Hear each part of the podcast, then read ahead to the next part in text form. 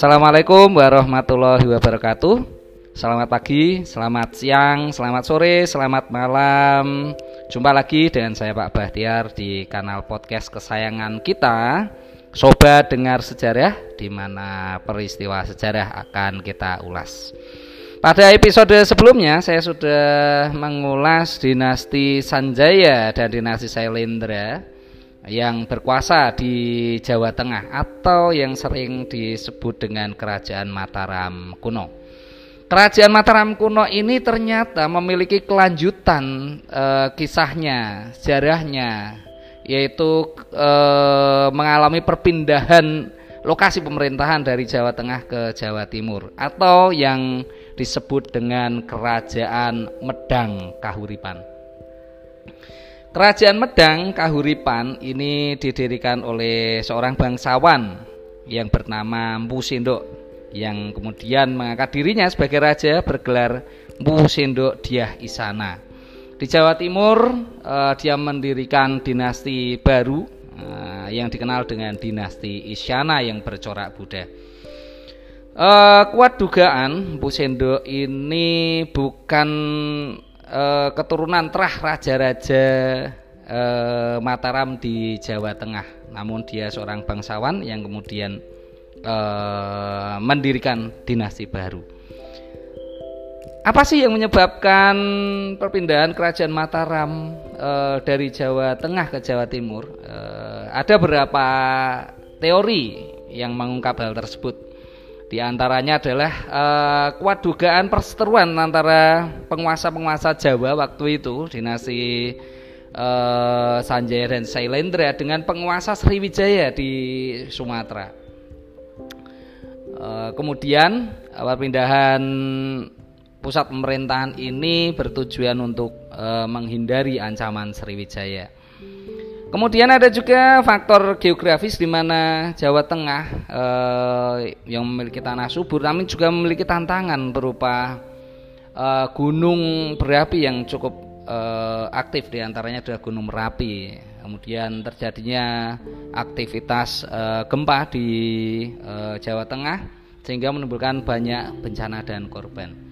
Ada juga faktor eh, ekonomis di mana Eh, penguasa penguasa saat itu uh, memiliki pandangan yang berbeda yang tadinya uh, mereka hanya berpusat di sektor agraris kemudian mereka tertarik untuk mengembangkan sektor maritim. Di Medang di wilayah Jawa Timur juga banyak daerah-daerah yang terbuka pelabuhan-pelabuhan yang terbuka untuk mendukung aktivitas ekonomi maritim Hal ini juga untuk menyaingi Sriwijaya sebagai kerajaan maritim. Um, kerajaan Medang Kahuripan ini mencapai kejayaannya pada masa Raja Dharma Wangsa Teguh. Pada masa Dharma Wangsa Teguh um, perintah Kerajaan Medang ini berhasil mengokohkan eksistensinya, membangun armada perang, bahkan uh, Dharma Wangsa uh, sempat melakukan beberapa kali serangan ke Sriwijaya.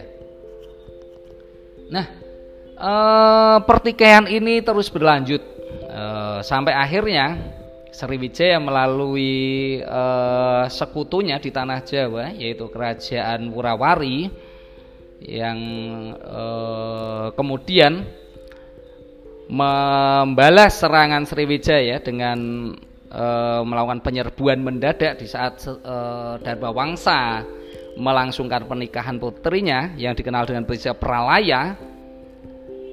Ini membuat e, kerajaan ini hampir runtuh. Kerajaan Medang ini hampir runtuh. Namun dalam peristiwa Pralaya tersebut e, seorang menantu e, Dharma Wangsa bernama Airlangga yang masih keturunan Bali ini berhasil meloloskan diri dan akhirnya nanti berhasil memulihkan eh, eksistensi kerajaan tersebut. Nah, Langga kemudian eh, membangun mendirikan ibu kota baru di daerah Kahuripan. Air Langga eh, juga kemudian membangun aktivitas ekonomi eh, kerajaan Medang yang kemudian lebih dikenal dengan nama Kahuripan. Eh, aktivitas-aktivitas ekonomi tersebut dilakukan dengan membangun pelabuhan di ujung Galuh yaitu di muara Sungai Berantas. Nah, ini diperbaiki sehingga bahaya banjir dapat diatasi. Kemudian ada pelabuhan Kambang Putih yang dibangun eh, terletak di Tuban. Ini dibangun dan diberikan hak-hak istimewa. Kemudian Air Langga juga eh, membangun politik damai dengan Sriwijaya. Bahkan eh, kemudian mereka eh, Air Langga ini me, membangun politik damai dengan memberi nama eh, salah satu eh, petingginya yaitu Sang Rama Wijaya Tunggadewi ini nama eh, hampir sama dengan nama eh, seorang raja eh, Sriwijaya saat itu dengan demikian eh, kerajaan Medang yang hampir run, yang runtuh akibat serangan kerajaan Wurawari ini berhasil dipulihkan eksistensinya eh, dengan membangun kerajaan baru yang disebut dengan Kahuripan. Ketentraman, kemakmuran ini dirasakan oleh rakyat pada masa pemerintahan Air Langga. Sehingga eh, seorang tokoh bernama Ampu Barada ini menuliskan uh, sebuah kisah berjudul uh, Arjuna Wiwaha ya, yang kita kenal dengan kitab Arjuna Wiwaha. Ini menggambarkan bahwasanya air langga berhasil membawa kemakmuran, perlindungan bahkan ketentraman, ketentraman dari peristiwa pralaya yang terjadi hingga eh, Air Langga ini digambarkan sebagai sosok e, Betara Wisnu atau Dewa Wisnu. Banyak naskah-naskah e, yang dibangun pada masa masa Medang Kahuripan. Di antaranya ada juga e, kitab Sang Hyang Kahayamanikan. Nah, Sang Hyang Kahayamanikan ini sebuah e, kitab suci agama Buddha. E, tentang yang berisi tentang urean tata cara ibadah uh, agama Buddha Tantrayana, agama yang uh, agama Buddha yang memiliki aliran kuat pada waktu itu. Air Langga kemudian uh, memiliki dua orang putra uh, dan atas nasihat Ampu Barada, Air Langga kemudian membagi kerajaannya menjadi dua dengan maksud uh, supaya dua putranya ini uh, tidak saling berebut uh, kekuasaan. Akhirnya uh, dengan bantuan Pubarada, konon katanya Pubarada ini terbang ke langit dan membagi kerajaannya menjadi dua.